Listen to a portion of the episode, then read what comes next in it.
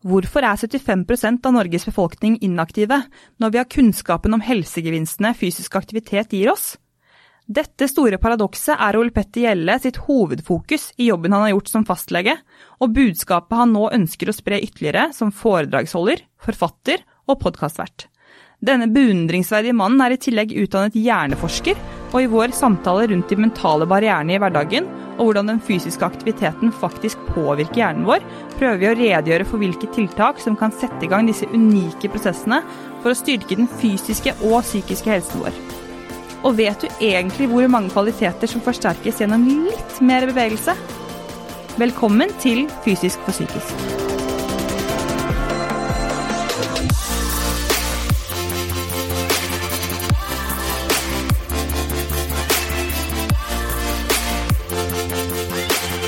Jeg er så heldig å ha med meg tights.no på laget, som gir meg muligheten til å faktisk kunne lage denne podkasten, og det er jeg så utrolig glad for.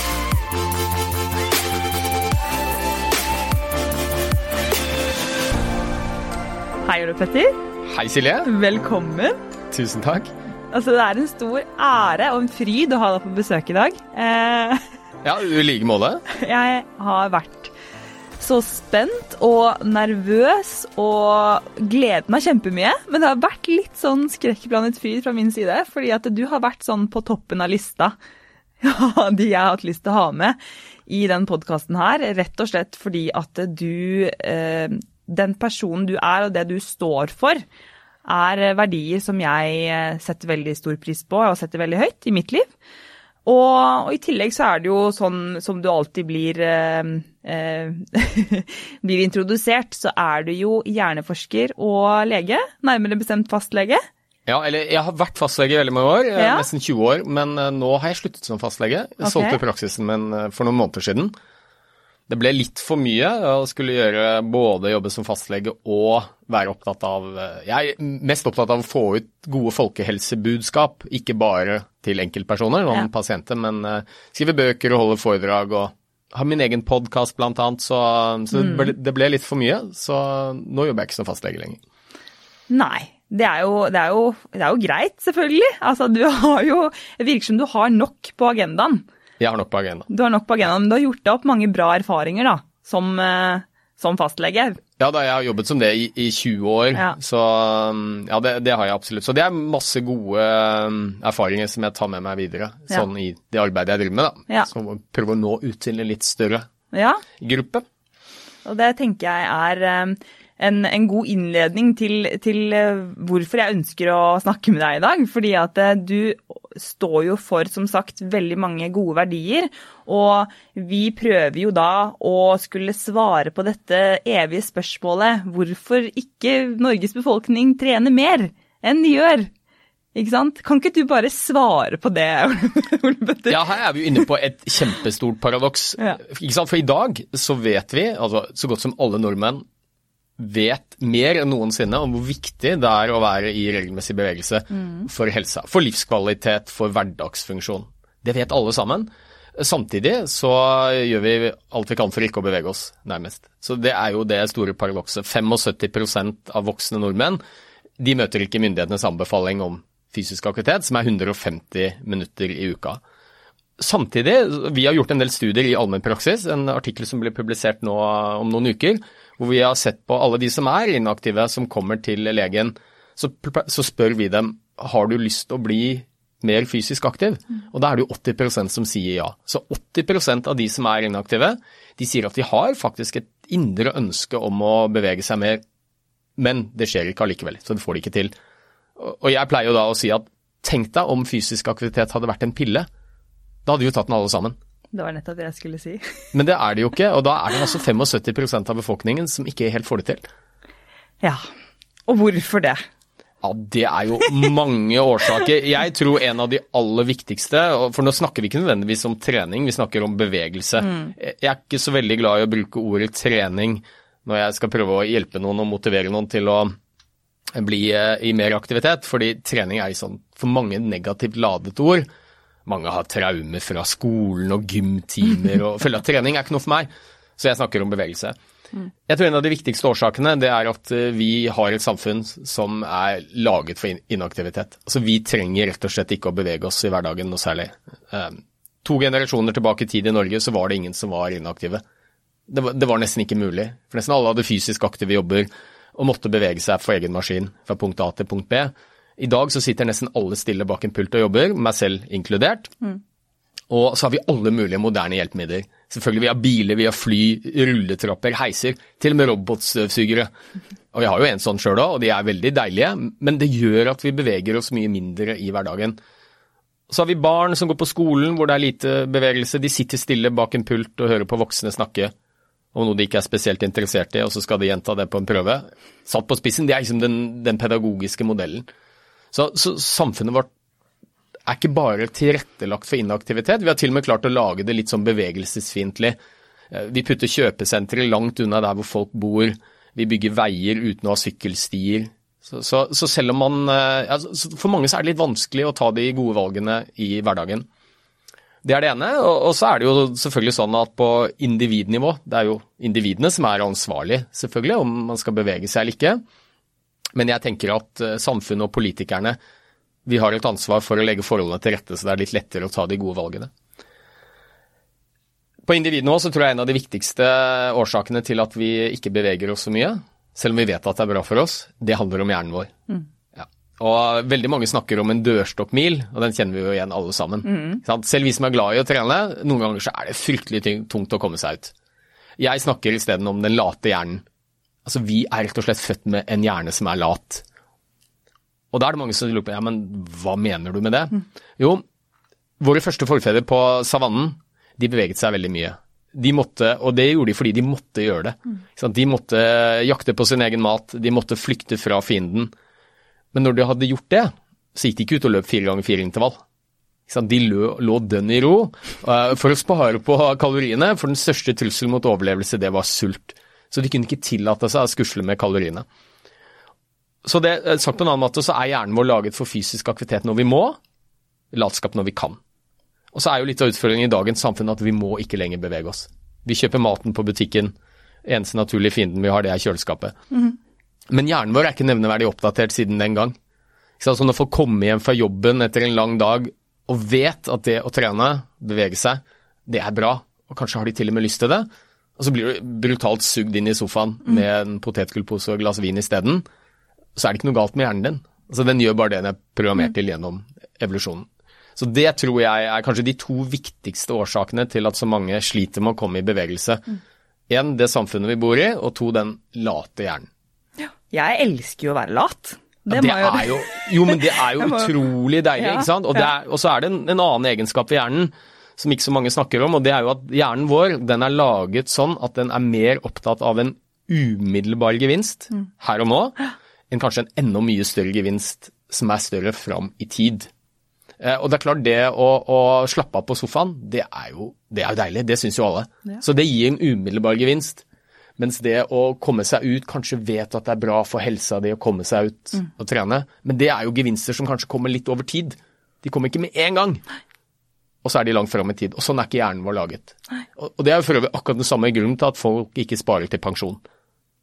Så det er deilig å ha penger mellom eh, hendene nå. Mm. Og bruke de å kjøpe noe, så får du en belønning her og nå. Og så tenker vi ikke 30 år fram i tid. Nei. For det er jo greit å ha litt uh, pensjonspenger også. Mm. Det er sykt digg å ta seg et par glass vin for mye en kveld, og så er det sykt kjipt å stå opp dagen etterpå å være fyllesyk. Ja, ja så, så, det er jo litt interessant. Vi, vi jobber egentlig litt mot hjernen vår. Ja, mm. det er det vi men gjør. Men det går jo an å overvinne den, så det snakker jeg mye om da. Ikke ja. bare hva som er utfordringen, men hvordan kan vi allikevel komme oss ut til tross for hjernens latskap. Ja, ikke sant. For det, det, er jo det du går inn på nå. Det er jo det med hva som faktisk skjer i hjernen. Ja. Det er jo det som er veldig interessant, fordi vi, vi Med en gang når du snakker nå, så det som dukker opp i hodet mitt, det er jo vaner. Ikke mm. sant? Jeg, jeg, kan jo bare relatere til meg selv og hva jeg, eh, hva jeg, tenker, for jeg vet jo at jeg er lat. Jeg vet at jeg er egentlig en lat person, og alle er sånn De ler av det, ikke sant. Ha-ha-ha, Silje, du er ikke lat. Men så tenker jeg, hva, hva legger du i ordet lat?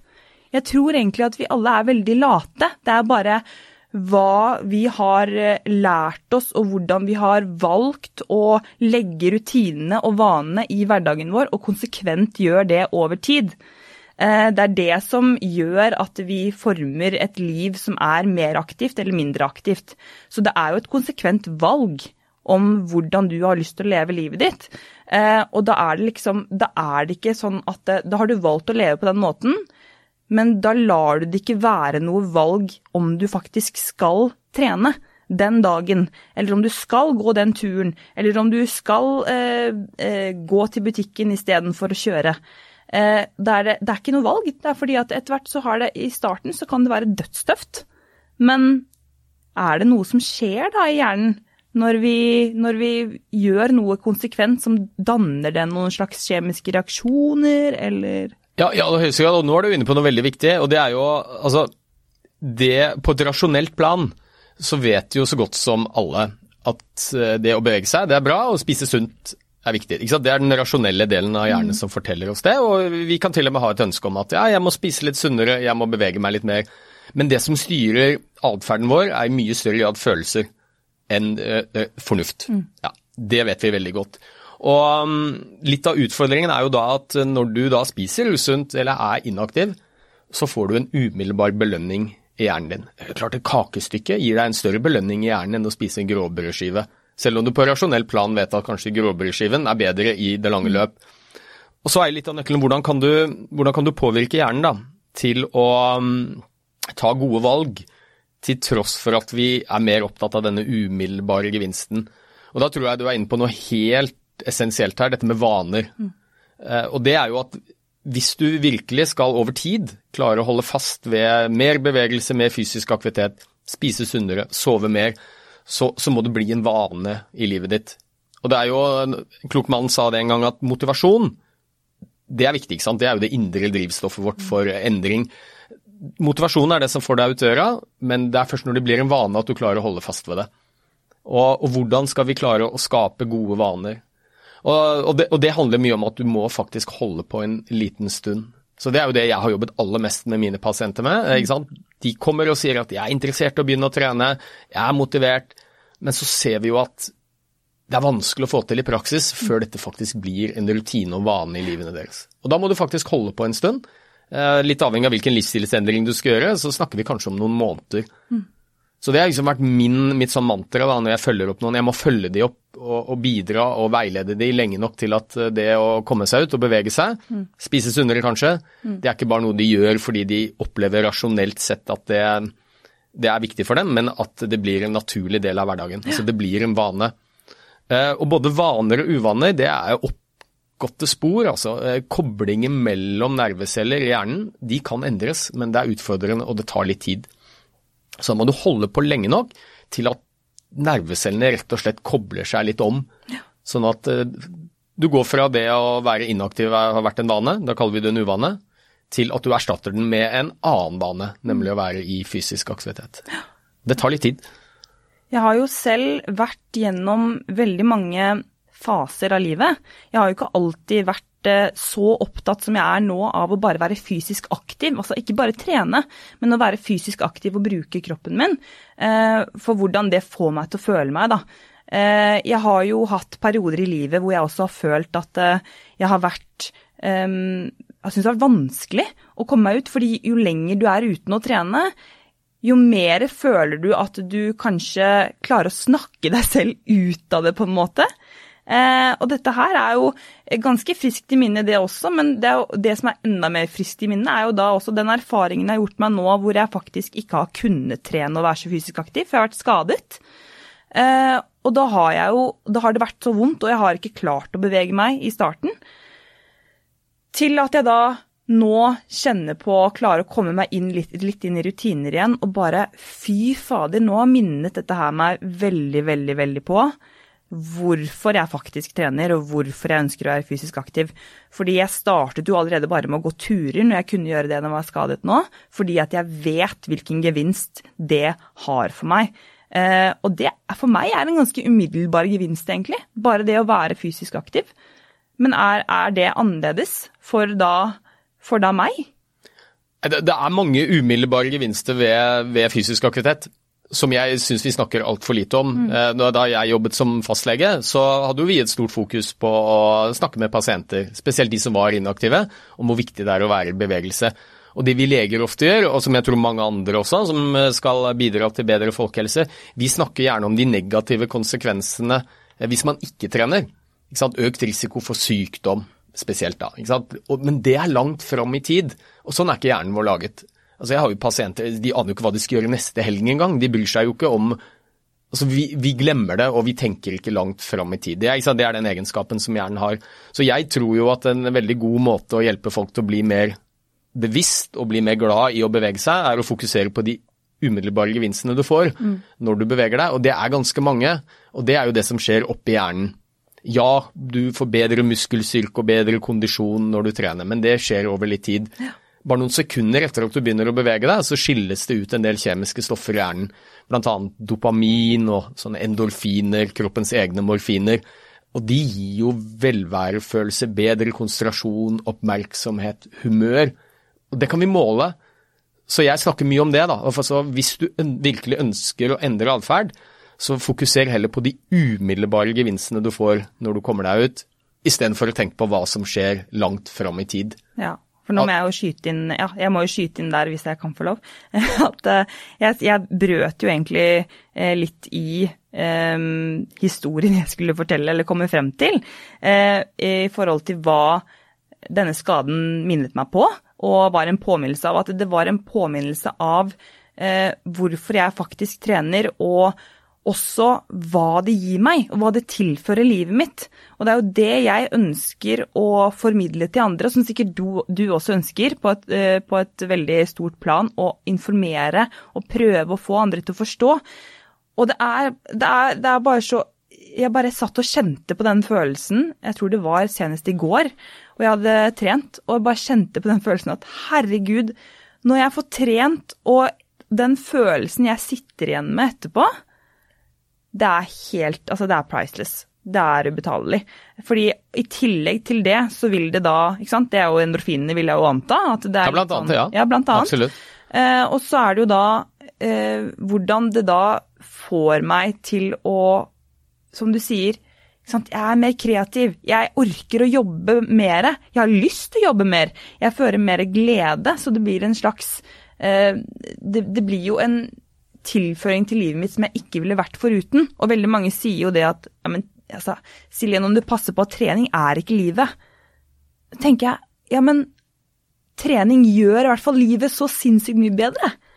Ikke sant? Og jeg er glad i kroppen min, og jeg ønsker å gjøre det beste for kroppen min. Og da vet jo jeg nå, fordi jeg har opplevd og er så heldig å ha opplevd den følelsen av å faktisk eh, være fysisk aktiv på et høyere nivå.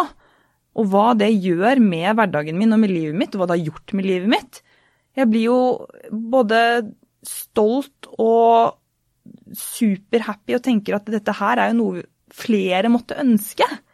Jeg skjønner, det er, litt den, jeg skjønner veldig godt hvordan det er, fordi at jeg har vært der selv. Og jeg tror det er veldig viktig å, å poengtere at jeg har vært selv en person For jeg sa jo tidligere at jeg er lat, men jeg har vært en person som også har vært inni de tankemønstrene hvor jeg bare føler at herregud, det er ikke noe vits i å trene. Hvorfor skal jeg gidde å trene i dag, hvorfor skal jeg bruke tiden min på det, eller at jeg vet at det er bra å trene, men altså Det har vært mye diggere å dra på kino og spise godteri, liksom. Skjønner tegninga? Ja, ja, men det... kanskje er det enda diggere å spise godteri og dra på kino hvis du har trent først? Ja, ja. ja, og det er det jeg vet nå. For ja. jeg vet det. Det ligger i Jeg tror det er mer automatisert nå enn det var tidligere, men det er jo denne gevinsten som jeg kjenner på nå, som jeg ønsker at flere skal kanskje starte, altså den reisen hvor de kan føle den gevinsten etter hvert. Ja, og, og, dette er jo mye av det jeg snakker om som jeg brenner veldig for. og det er liksom, Vi må endre fokuset litt. Mm. Hvis vi skal prøve å bidra til at flere beveger seg, så, så, tror jeg vi må dreie fokuset mye Altså dreie fokuset vekk fra eksterne faktorer som sant, vekt og utseende og prestasjon, sixpack, badekroppen. Det er, det er, jo det mange snakker om, ikke sant. Men heller fokusere på disse gevinstene du får som gjør at du har det bedre i hverdagen. du har bedre selvfølge, bedre, bedre mestringstillit, fungerer bedre, optimal, altså bedre privat, sosialt og på jobb, har mer energi. Ha det som fokus.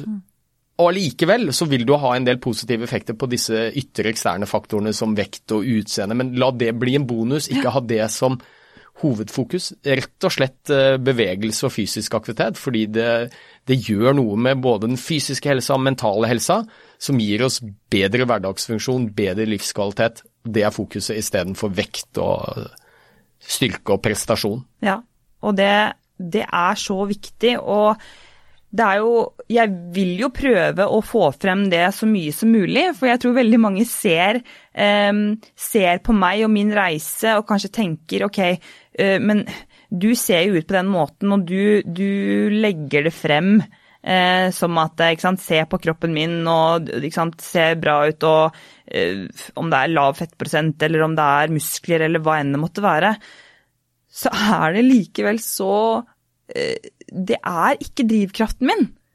Og det er litt det jeg også vil at folk skal få en forståelse for, og kunne forstå meg bedre.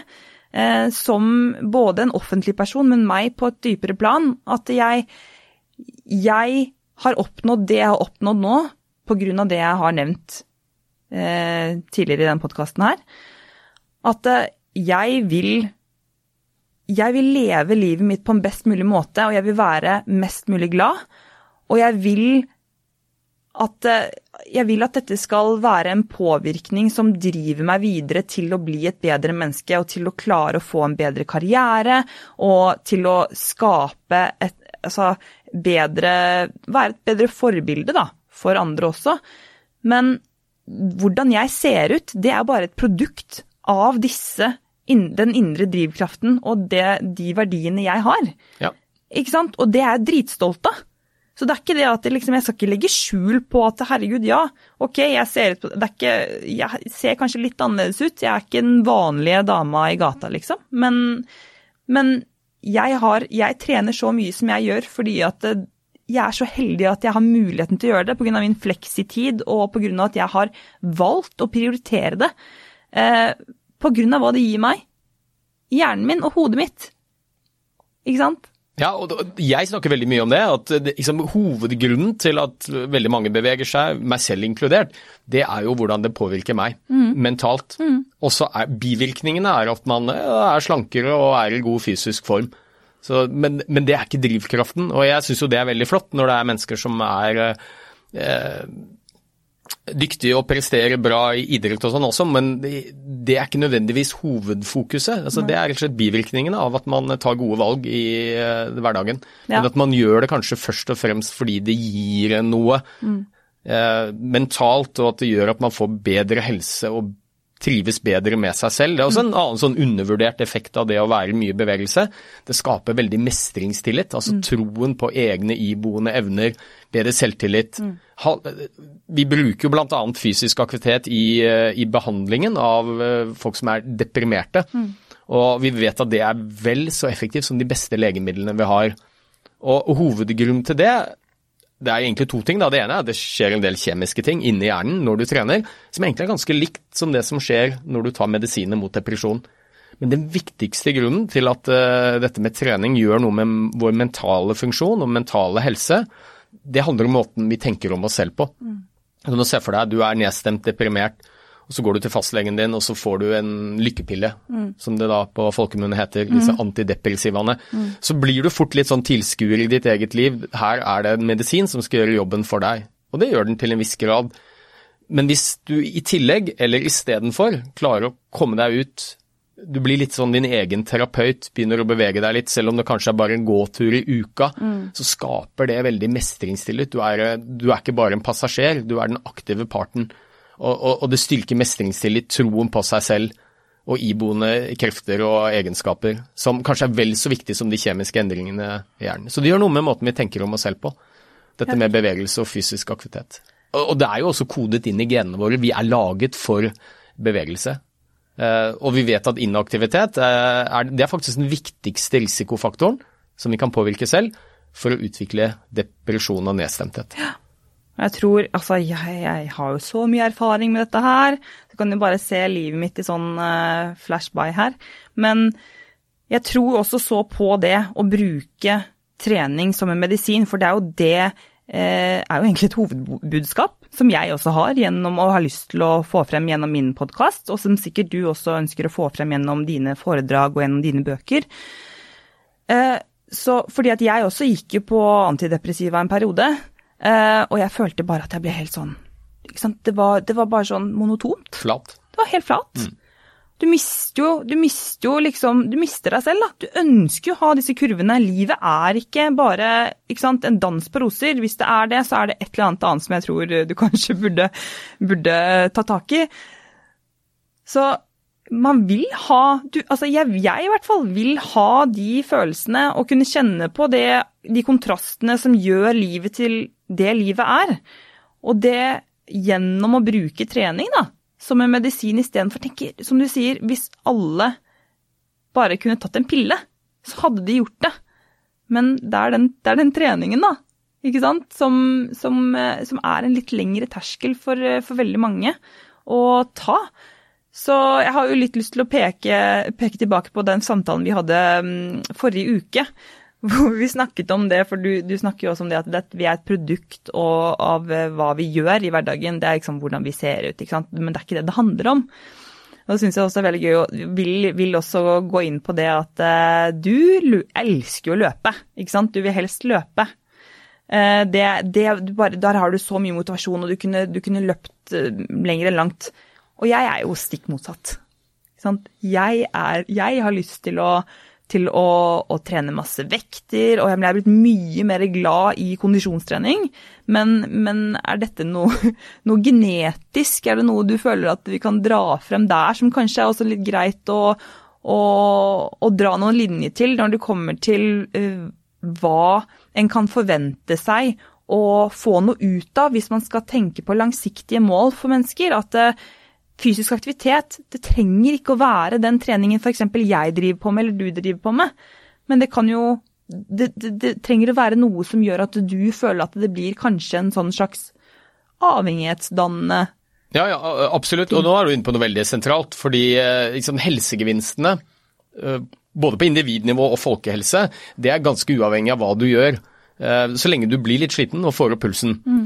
Og jeg tror jo at hvis du skal få noen til å gå fra å være inaktiv til å bevege seg litt mer, så må de finne noe de trives med. Og hva er det som gjør at noen er veldig glad i å løpe? Meg, f.eks. Men altså for meg, dørstokkmila, eller den late hjernen min, den stritter jo imot hvis jeg skal drive med styrketrening. Rett og slett fordi jeg, jeg syns ikke det er like gøy. Jeg vet det er bra for meg, men der blir dørstokkmila virkelig, virkelig lang. Og, og, det handler nok litt om at vi har um, når vi opplever glede ved noe, så er det mye fordi vi skiller ut dopamin. Og det her har du gjort en del studier. og Er du glad i å løpe, og du tar deg en løpetur, så skiller du ut masse dopamin.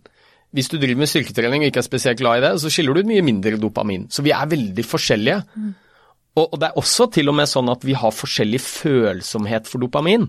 For jeg snakker jo mye om til pasientene mine at eh, ja, men hvordan føler du deg når du har vært ute og gått en tur og blitt litt sliten av andpusten? Er det ikke deilig? Føler du ikke den deilige rusen?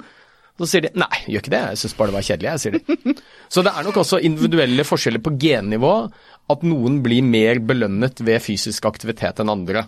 Altså At noen er litt sånn non-respondere på belønning ja. når de trener. Og For dem blir jo da selvfølgelig dørstokkmila ekstra lang. Men hovedpoenget mitt er at du må finne noe du syns er litt gøy. Mm.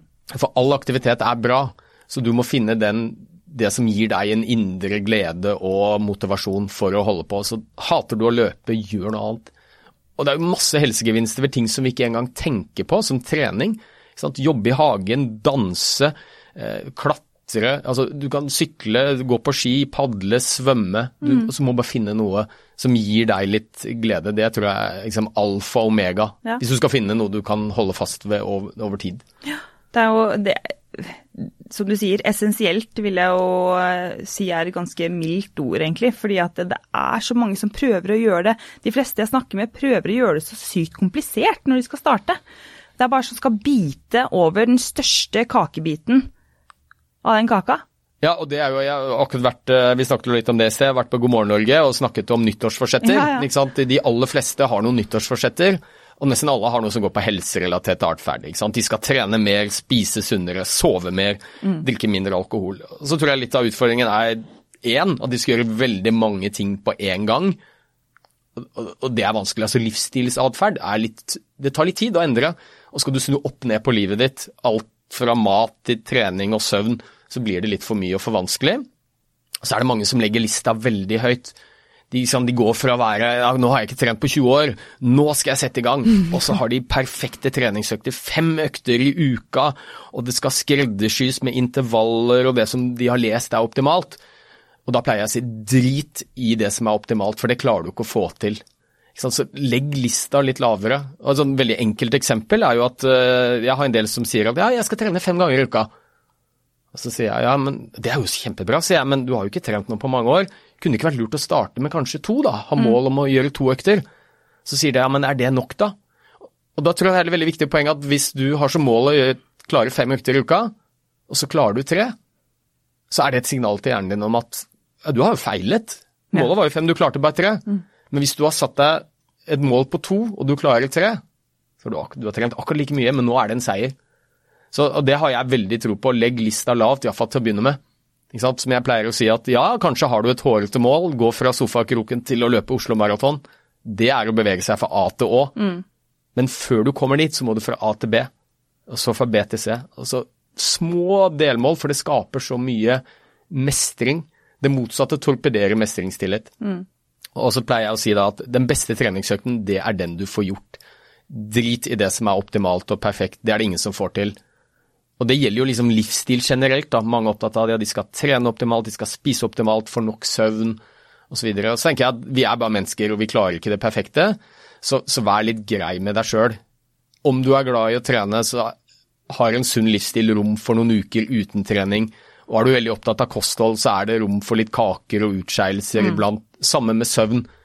Blir vi for strenge mot oss sjøl, så legger vi lista så høyt at vi er dømt til å mislykkes. Jeg har begynt å elske det uperfekte. Ja. Altså det, er, det har vært en veldig viktig eh, del av den prosessen jeg føler jeg har vært inne i. Og jeg snakket veldig mye, du er jo veldig inne på eh, noe av de temaene som var fra forrige episode med Leif Erik Ladstad, med prosessmål. At det er så viktig å sette seg disse, disse små målene. Altså bare noen små utfordringer som du vet at du kan klare i løpet av uka. Og du vet at du har tid til det, istedenfor å skulle prøve, da som sagt, å gape over for mye av gangen. Og det å starte med, ikke sant. Starter jo alltid den ene enden med Når vi folk skal trene, så er det sånn Ja, hvilke kosttilskudd tar du? Hvilke skal jeg kjøpe? Skal jeg kjøpe liksom Skal jeg kjøpe proteinpulveret? Er det her proteinpulveret bra? Så bare ok, men starter vi feil ende. Ikke sant? Hva med å kanskje starte, som du er veldig flink til å nevne veldig ofte, bare start med å gå til butikken. Start med å gå til butikken da, istedenfor å kjøre dit. Ja. Start med å, ikke sant, hvis det er eh, la oss si 15 minutter unna, eller om det handler om bare kanskje å eh, ta et ekstra, ekstra fem minutter eh, en eller annen gang i løpet av dagen hvor du bare prøver å komme deg ut, fordi at veldig mange er jo veldig mye inne, spesielt nå om dagen. Eh, og det kjente jo jeg veldig på eh, også i forhold til skaden min og i forhold til det, den følelsen jeg hadde da rundt og syntes det var vanskelig å skulle være inaktiv på den måten, fordi at jeg hadde liksom ikke noe valg. Og det jeg startet med da, det var jeg følte meg jo i tillegg fysisk dårlig. Altså, jeg følte meg syk. Sånn, jeg tenkte, er det er jeg syk nå, eller er det altså, Det er jo vanskelig å vurdere det også, det er jo en vurderingssak. Jeg tenker du, eh, Måten du følte deg på et, når du var skadet og ikke fikk trent? da jeg var skada og ikke fikk trent, ja. Så, Ja. så, så jeg, jeg følte, meg, jeg følte meg syk, da. Ikke sant? Og da, og da var det sånn. Men det er det jeg føler nå. Altså, kroppen min responderer som om jeg har en eller annen forkjølelse, influensa, et eller annet som Ikke sant? At du føler rett og slett at du har en eller annen sykdom. Eh, og tenkte ok, men hva er det jeg kan gjøre? Fordi at jeg, er heldig, altså jeg er så heldig å ha dette, disse vanene, og jeg er så godt brent inn da, i, eh, i meg selv at jeg vet at eh, hvis jeg beveger meg litt, så vil det gi en gevinst. Og da tenkte jeg ok, jeg tok på meg klær, jeg tok på meg drittmye klær også. Jo, må jo ha på seg ullundertøy og alt som er. ikke sant? Det var vanskelig å ta på seg disse klærne fordi at jeg hadde så vondt i brystryggen og brystet mitt. Men jeg tok på meg klær, og jeg tenkte ok, vet du hva, hvis jeg i hvert fall kommer meg ut, så skal jeg se hvordan jeg føler meg etter bare å ha gått ti minutter. Ti minutter skal jeg klare. Og gjett om jeg kom meg ut i ti minutter, så tenkte jeg åh, det her var deilig. Og det ender opp med å bli en time. Ja, ja. Ja, men det, det, er jo en veldig god forklaring, eh, sett fra hjernens ståsted, da, mm. hvorfor du føler deg litt dårlig når du er eh, syk eller skadet mm. og ikke får trent. Mm. Og Det pleier jeg å si at hvis du har kommet til et punkt i livet ditt hvor treningen er blitt en vane for deg, så er det jo sånn at du får en belønning i, i form av dopamin, spesielt da, mm. uh, når du trener. Og Det er jo for øvrig akkurat det samme kjemiske stoffet som gjør oss avhengig av nikotin, alkohol, illegale rusmidler. Så det som skjer når du da blir syk eller skadet og ikke kan trene, så skiller du ut mindre dopamin, og du får det vi kaller en abstinensreaksjon. Som akkurat prinsipielt det samme som en alkoholiker opplever når de ikke får alkohol, skal prøve å bli tøllagt, eller en som har stått, brukt nikotin eller drukket veldig mye kaffe, så føler du ubehag så jeg pleier jo å si at det er egentlig litt nyttig, hvis du ønsker at treningen skal være vennen din gjennom hele livet, så er det nyttig å ha en liten periode hvor du ikke får trent, for da kjenner du virkelig på hvor viktig det er for deg. Ja. For du føler deg rett og slett mentalt og fysisk dårlig. Ja. Og det er jo det mange sier. Å, nå har jeg, nå har jeg virkelig fått føle på kroppen hvor viktig mm. treningen er for meg. Og det gjør jo da, når man har hatt et lite avbrekk, at man setter enda større pris på det, og i større grad klarer å ha det som en følgesvenn resten av livet. Mm. Så det kan være nyttig med et lite sånn skadeavbrekk eh, eller hver uke ja. en liten periode. Det gjør at man setter pris Absolutt. på viktigheten av det man driver med til vanlig. Herregud, altså det er nesten så jeg føler at jeg startet litt sånn miniprosjekt for, podkasten med denne skaden. Jeg gjorde selvfølgelig ikke det, men altså herregud, jeg har jobbet jeg, jeg, tenkte ok, jeg har jobbet så mye med hodet, og det har jo uh, også det har jo gjort at jeg har lært veldig mye om uh, og tenkt over hva som faktisk er viktig for meg, og måtte virkelig trene hjernen, da ikke sant? Istedenfor fordi at jeg ikke kunne trene fysisk. Men det er jo det du sier nå, at det setter så vanvittig stor pris på treningen. Altså den følelsen jeg har, og de Altså den følelsen det gir meg nå. Det er bare Jeg kan nesten ikke sette ord på det, og det er jo derfor vi ønsker nå å, å prøve å komme frem til måter vi kan hjelpe andre, da til å være mindre inaktive. Altså, jeg syns det er så trist, jeg synes det er sykt trist at det ikke er flere som får oppleve den følelsen som vi to opplever gjennom det eh, vi driver på med. og trenger ikke å være på noe høyt nivå, trenger ikke å være så og så mange ganger men bare å, eh, i uka, men bare prøve å finne OK, hvor kan vi starte, og hvordan kan Norge bli et mindre inaktivt land? Go, Ole Petter! Hvordan vi kan bli et mindre inaktivt land? Ja. ja du, her er det, jo, det er jo et stort, eh, stort, spørsmål, men eh, jeg tror faktisk mye av det handler om uh, hva slags samfunn vi har, og det handler om politikere. Mm. I stor grad. Jeg er jo veldig kritisk til den regjeringen som sitter nå. Ja. For jeg mener de gjør et utrolig slett arbeid når det gjelder folkehelsa. Eh, med unntak av covid, hvor de har vært ekstremt handlekraftige. Og, og, det er jo selvfølgelig fordi de er opptatt av at dette viruset ikke skal spre seg og ja, beskytte folk flest. Men når det gjelder mer disse større globale folkehelseutfordringene vi har, inaktivitet og overvekt, så virker det som om det er helt glemt. Mm. Så de Blant annet så har de fjernet to av de viktigste verktøyene vi har for eh, god folkehelse. Dette med fysisk aktivitet hos barn. Skrotet et eh, stortingsvedtak som kom i 2017 om at alle norske barn i grunnskole eller første til tiende klasse skal få lov å bevege seg én time hver dag på skolen. Det ble skrotet. Ja. Og det, det, er helt uh, tvert imot alt det alle fagmiljøer står for. Vi vet det er bra for barns fysiske helse, mentale helse, læring. Det ville kanskje vært et av de viktigste folkehelsetiltakene siden røykeloven, mener jeg da. Du, du, når alle, og vi vet at barn som er glad i å være i fysisk aktivitet, de blir ofte aktive voksne. Inaktive barn blir ofte inaktive voksne. Så det er det ene. Og så setter de ned avgifter på den maten som gjør oss syke, med sukkeravgift og alkohol og, og, og tobakk. Så, og da pleier jeg å si at tenk deg om myndighetene hadde hatt like, like mye fokus på de folkehelseutfordringene som de har på covid-19. Og jeg, jeg syns regjeringen har gjort en veldig god jobb. Setter alle kluter til. og Det viser jo hva man kan få til hvis man først går inn for det. Men så glemmer de litt alt, alt dette andre, da. Tenk om det hadde vært en overskrift i uh, avisene hver eneste dag. I dag døde 24 nordmenn av inaktivitet. Sånn som vi har rundt covid. For det dør én nordmann i timen av inaktivitet. Sykdommen som følger i kjølvannet. Og myndighetene snakker veldig mye om uh, hvordan skal vi forberede oss til neste pandemi, for det kommer sikkert en ny en også. Og det eneste de snakker om, det er akuttplasser på sykehusene, respiratorer, helsepersonell. Det er selvfølgelig helt vitalt og viktig. Men det aller viktigste er jo å ha en god folkehelse. Mm. For vi vet at nesten alle som blir alvorlig syke av covid-19, og dør til og med, det er mennesker som har livsstilssykdommer. Som vi i stor grad kan forebygge. Så vi bruker ni av ti helsekroner på å reparere skader Altså, Vi har egentlig ikke et helsevesen i Norge, vi har et sykevesen. Ja. Så jeg, det tror jeg er viktig, da, at man har mer fokus på forebygging. Og Da er det enkle grep. Mer fysisk aktivitet i skolen, legge forholdene til rette, bygge sykkelstier og ikke bare motorveier. Eh, subsidier mat som er sunn, det vi kaller skatteveksling. Altså Du har høye avgifter på den maten som er usunn, lite avgifter på den maten som er sunn, da tar folk bedre valg. Altså, det er individenes uh, ansvar å ta gode valg, men vi må legge forholdene litt til rette for at det er enklere å ta de gode valgene. Ja. Legge forholdene til rette, det er jo ikke et veldig, veldig godt utgangspunkt. Og så kan det jo være sånn som oss, da, som kan bidra til, uh, til å, å, fremsnakke dette. Og også i, i kjølvannet av, av koronaepidemien så ligger jo da det at treningssenter og sånn, det blir nedprioritert og stengt. ikke sant? Og PT-virksomheten, det var plutselig bare nå kan ikke jeg drive det heller. Nei, og eh, Black Friday, du kan gjerne gå på et kjøpesenter og vasse i mennesker for å få den ene dunjakka litt billigere, men treningssentrene hvor vi vet at det har vært veldig lite smitte, mm. og de har vært flinke med smitteoppsporing og i det mm. hele følge alle retningslinjene, de blir stengt. Ja. ja. Og så, så, tror jeg bare sånn På individnivå så tror jeg kanskje det aller viktigste er at glem alt det ytre. Glem den perfekte kroppen og vekt.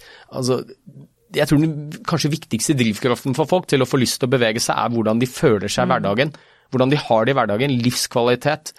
Eh, funksjonsnivå i hverdagen. Orke mer. Prestere bedre på jobb. Sosialt. Sove bedre. Mm. At vi eh, prøver å fokusere på det mer enn det ytre. Ja, og det, det vil vi også. Det vil jeg også. Eh, selvfølgelig, jeg legger ut ting i sosiale medier og sånn, men, eh, men, jeg syns det er viktig å, å, å, fokusere og endre fokus da, eh, på hva som kan gjøre livet vårt bedre.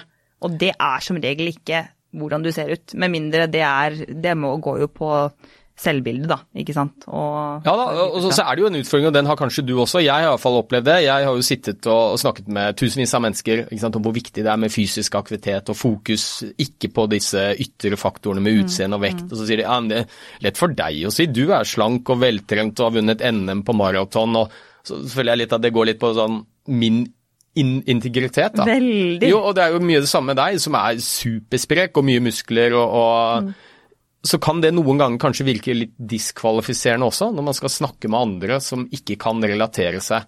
Altså De tenker hvordan kan du relatere deg til hvordan jeg har det? Jeg er inaktiv og overvektig, så skal jeg komme og gi det råd? Jeg har aldri vært inaktiv, ikke overvektig heller. Så, så, det er også en litt sånn utfordring, og det tenker jeg litt på kanskje med treningsbransjen, da, som er en viktig folkehelseaktør. Men hvor, hvordan er det PT-er og treningsinstruktører ser ut? De ser jo ofte ikke ut som folk flest. Nei. Så det, jeg tror kanskje det er litt viktig med litt mangfold også. Så jobber du på treningssenter, at det skal være rom for å være PT og treningsinstruktør uten at du nødvendigvis har sixpack og Altså det er jo superflott at de som jobber der brenner for fysisk aktivitet, og da blir de jo ofte mm. i god form da, og ser, ser spreke ut. Men jeg tror det kan være en ulempe også noen ganger. Ja. Fordi mange av de som skal komme og, få litt hjelp av oss, tenker at hvordan kan han relatere seg til hvordan ja. jeg har det? Å ja, hylle mangfold først og fremst, det må jeg bare si.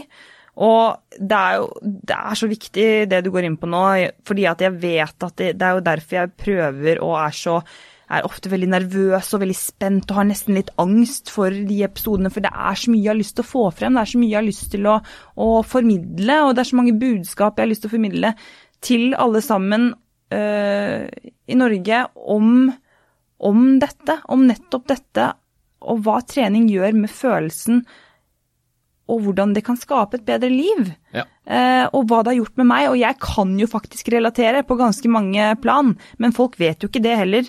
Eh, så mye om min historie. Kanskje de som har hørt på tidligere episoder nå, vet litt. Men de vet ikke så veldig veldig mye om meg. At eh, jeg har, jeg har hatt spiseforstyrrelser, jeg har vært gjennom det ene og det andre. Jeg har vært gjennom en ganske inaktiv periode. Jeg var dritgod i håndball en periode. Eh, jeg har alltid vært veldig sånn sterk, og så var jeg jo veldig svak en periode. Eh, og vært gjennom altså, alle mulige faser, både mentalt og fysisk. Eh, så, så, for meg så er det sånn, OK, vet du hva, det produktet kroppen har gitt meg, ja, det er bare et bevis på hva treningen har gitt meg følelsesmessig. Det er ikke et bevis på hva jeg kan prestere eller hvem jeg er som person. Det er bare det her er et produkt av den jeg er og de valgene jeg gjør i hverdagen. Det er ikke sånn at dette her er det jeg trener eller spiser for å se ut som. Jeg trener og spiser for å ha det bra. Ja, og Jeg tenker det er eh, supert at du, og jeg kjenner jo ikke deg veldig godt, men klart går man inn på Instagram og ser på bilder og sånn, så kan man tenke at her er du virkelig en supervellykket supergodt trent person, mm. men vi er jo mennesker alle sammen. Mm. Og jeg synes Det er utrolig flott at du da er åpen om de utfordringene du har hatt. Og jeg opplever litt av det samme sjøl, for jeg, jeg, har fått høre da, når jeg holder foredrag og sånn, så blir du jo introdusert, og så er du hjerneforsker og lege, og folk tenker oi, oi, her kommer det en sånn supermann. Mm. Og det er jo ikke sånn jeg føler meg. Og jeg merker at noe av det aller største, kall det sånn gjennombruddet jeg har hatt da, når jeg skal prøve å fortelle andre om fysisk aktivitet og hvor viktig det er, det var jo da jeg selv på en podkast eh, sa at ja, jeg har mye akademisk kunnskap om dette, men jeg opplevde det sjøl også. For jeg hadde en periode hvor jeg var dypt deprimert pga. Mm. ting som skjedde i livet mitt. Og jeg reiser rundt og snakker til folk om de enkle grepene for å komme seg mer fysisk aktivitet, disse verktøyene vi har. Og så satt jeg jo hjemme sjøl på en og halv måte så klarte jeg ikke å komme meg ut mm. en eneste gang. Altså Jeg visste at jeg hadde noe verktøy i verktøykassa. Jeg visste hvor viktig det er å bevege seg. Jeg klarte rett og slett ikke å få det til. Jeg var helt inaktiv og deppa. Uh, og til slutt så klarte jeg å fiks, få fram noen av disse verktøyene i kassa da, og klarte å komme meg ut ved å få kompiser til å komme til meg og tvinge meg med ut på tur. Og, ja. så, så, så da fikk jeg jo jeg tilbakemelding på at av alle de tingene du har sagt, så er det liksom det som har hatt størst mm. påvirkningskraft for meg, det at du faktisk forteller at dette er noe du har opplevd sjøl. Det gir en sånn umiddelbar kredibilitet det det, på, et, eh, mm. på, et, eh, dypere nivå. Og det er jo ja, Det er jo ikke synd, men det er jo ikke rart heller. Altså, jeg skjønner jo at folk tenker at ja, man, man vil relatere fordi at det, det er litt vanskelig å forstå 100 med mindre du har vært deg selv. Ja da. Eh, men disse, ikke sant, og du har vært der, og da kan tenke jeg at ok, det kan være greit å nevne at eh, ja, hvis du er, har veldig tunge, heavy psykiske lidelser, eller er i en sånn periode, at det er jo fint å kanskje kombinere eh, en slags form for litt fysisk aktivitet på noe plan, men med da ikke sant, noe samtaleterapi eller noe på, på en annen måte, da. Så en ekstern faktor der. Ja, ja absolutt. Og, og, jeg skjønte jo da at eh, Jeg har visst på sånn akademisk nivå at er man deprimert, selvfølgelig, så blir dørstokkmila enda lenger. Mm. Men nå fikk jeg jo virkelig kjenne på det sjøl. Mm. Uh, og da jeg begynte å komme i gang med trening igjen, så var det ikke intervalltrening eller lange løpeturer. Det var å tusle til butikken, det var å gå en rolig tur med en kompis i 20 minutter. Det var det jeg orket og fikk til. Så det fikk meg eh, en sånn aha-opplevelse. Og jeg merket det litt på kroppen at ja, nå skjønner jeg jo for mange av de pasientene mine som sier at vet du hva, eh, hvordan skal jeg klare å gå en halvtime, jeg orker jo ikke å gå til postkassa engang. At eh, ja, det er noe som skjer inni hjernen vår når vi er deprimerte og nedstemte, som gjør at selv om du på et rasjonelt plan vet at det er bra for deg å bevege deg, så blir bare den terskelen eh, utrolig høy. Ja, og det er jo det er jo mange retningslinjer også i forhold til, som veldig mange sier, i forhold til hvor mye vi skal bevege oss om dagen, og det skal være så og så lang tid, og det skal være så og så mange timer i uka, så er det sånn, ok, men hvis du er inaktiv, så vil alt du gjør som er lite grann mer fysisk aktivitet enn det du gjør til, dag til daglig, så er det kjempebra. Alle måneder drar, det er ingen som har funnet noen nedige grense for når du begynner nei, å løpe. Nei, nettopp. Hvert eneste steg teller. Det er hvert eneste steg teller. tenker jeg. Har du noen, noen utfordringer da, til, eh, til de der hjemme, eller de som lytter, som de kan ta med seg og gjøre hverdagen eh, litt bedre? Pleier å gi denne til du, Jeg har en liten utfordring. Den er kanskje litt uortodoks. Jeg snakker mye om vaner og hjernen. Og, og, vi mennesker vi er vanedyr. det er Iallfall når vi er blitt voksne, så, um, så, gjør vi sjelden noe nytt. Vi gjør det samme hver dag. Mm. Så jeg har en liten sånn utfordring. Den er veldig enkel, altså, men ja. det handler om å gjøre om hjernens koblinger for å skape en ny vane. Og det er rett og slett noe som enkelt som å pusse tenna med venstre hånd istedenfor høyre hånd. Hvis du er høyrehendt, så pusser du tenna med høyre hånd. Og det er jo utrolig enkelt. Det er blitt en vane. Prøv å gjøre det med venstre hånd i to uker. Hver eneste morgen og kveld når du skal pusse tenna. Bruk venstre hånd, så vil du merke hvor utrolig rart og keitete det føles helt unaturlig en stund. Men så, når du begynner å nærme deg to uker, så går det nesten like bra med venstre. Og det er jo litt sånn an analog her, da. Når du skal endre atferd. Til å begynne med så er det vanskelig og det er utfordrende. Når du har holdt på en liten stund, så blir det en vane. Like naturlig som å pusse tenna. Like, altså det er så gøy, for dette her, bare spørre meg, det måtte jeg gjøre i to uker. Jeg måtte gjøre et pusse tenna med venstre, og det er fader meg ikke lett, altså. Men, eh, men, det gikk jo bedre og bedre. Og så begynte jeg å tenke ok, er det en eller annen fun fact om hjernen som vi kan ta avslutningsvis når det kommer til uh, hva som skjer med når du bruker venstre eller høyre del? Ja, Det er rett og slett et enkelt prinsipp som hjernen er bygget på, og det handler om det heter use it or lose it. Altså Det er rett og slett at de områdene av hjernen du bruker ofte, de styrkes. Ja. De områdene du ikke bruker så ofte, de svekkes. Og, og det handler jo litt om i overført betydning, da, dette med livsstilsatferd og endring. Hvis du har vært inaktiv veldig lenge, det er oppgåtte spor i hjernen din som gjør at du trekkes mot mm. sofakroken istedenfor å komme deg ut. Og hvis du begynner forsiktig og, og prøver å gjøre en endring, så vil koblinger dannes mellom nye om, områder av hjernen, og så over en tid så er det også blitt en vane. Akkurat som det å pusse tenna. Det føles utrolig rart ut med venstre hånd, men så skjer det ting inni hjernen din hver eneste dag når du gjør det. Nye koblinger lages, og plutselig så er det blitt like naturlig å pusse tenna med venstre som med høyre. Og det, liksom, den, den, filosofien der da, kan man bruke på livsstilsendring. Du må holde på lenge nok til at det blir en ny vane. Jeg tror det skal være de siste ordene, ja, for det var en veldig, veldig bra oppsummering, eh, Ole Petter. Tusen hjertelig takk for at du var med. Du, tusen takk for meg. Her kunne vi sitte timevis og ja, prate. Det føler jeg Men vi kan ta det kanskje i en annen episode. Gjerne. Jeg kommer gjerne tilbake. Nydelig. Jeg vil gjerne ha det tilbake. Og så må jeg bare si til deg der hjemme at eh, du må huske å være snill med deg selv. Ha det bra.